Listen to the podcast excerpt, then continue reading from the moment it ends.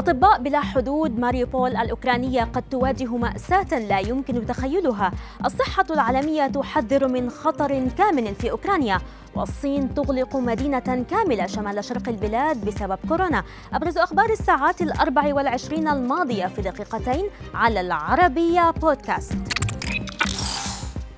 يرى مسؤول في منظمة أطباء بلا حدود أن ميناء ماريوبول الذي يتعرض للقصف الروسي في وضع شبه ميؤوس منه داعيا إلى التحرك لتجنب مأساة لا يمكن تخيلها. ويقول مدير منظمة أطباء بلا حدود في سويسرا ستيفن كورانيش إن مئات الآلاف من الأشخاص حرفيا محاصرون. وتنشر منظمة أطباء بلا حدود أكثر من 100 شخص على الأرض في أوكرانيا. وقد نجحت المنظمة في فتح مستشفى متنقل في غرب البلاد. لمعالجة عدد لا يحصى من النازحين.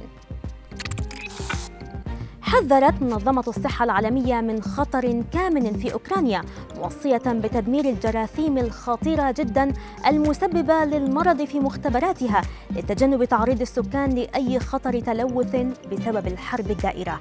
وقالت المنظمة الأممية إنها أوصت بشدة وزارة الصحة الأوكرانية والوكالات الأخرى المسؤولة عن تدمير الجراثيم المسببة للمرض الخطيرة جدا لمنع انتشارها العرضي وإدراكا منها للقلق الذي قد تخلقه هذه التوصية بعد التهديدات التي تتعرض لها المنشآت النووية المدنية فقد وضعتها المنظمة في السياق الأوسع لتعاونها منذ سنوات مع السلطات الأوكرانية لتحسين سلامة هذه المنشآت.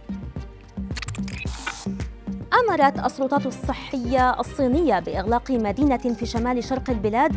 يبلغ عدد سكانها تسعة ملايين نسمة في مسعى لوقف تفشي فيروس كورونا الذي بلغت الإصابات به أعلى عدد منذ عامين على الأقل. وأمرت تشانغشون عاصمة مقاطعة جيلين والتي تعد مركزا صناعيا مهما. أمرت السكان بالعمل عن بعد وسمحت لشخص واحد فقط بمغادرة المنزل كل يومين. لشراء كل الاحتياجات الأساسية اليومية. فيما أكدت أنها ستجري فحوص كوفيد واسعة النطاق للسيطرة على الوباء في أقرب وقت ممكن.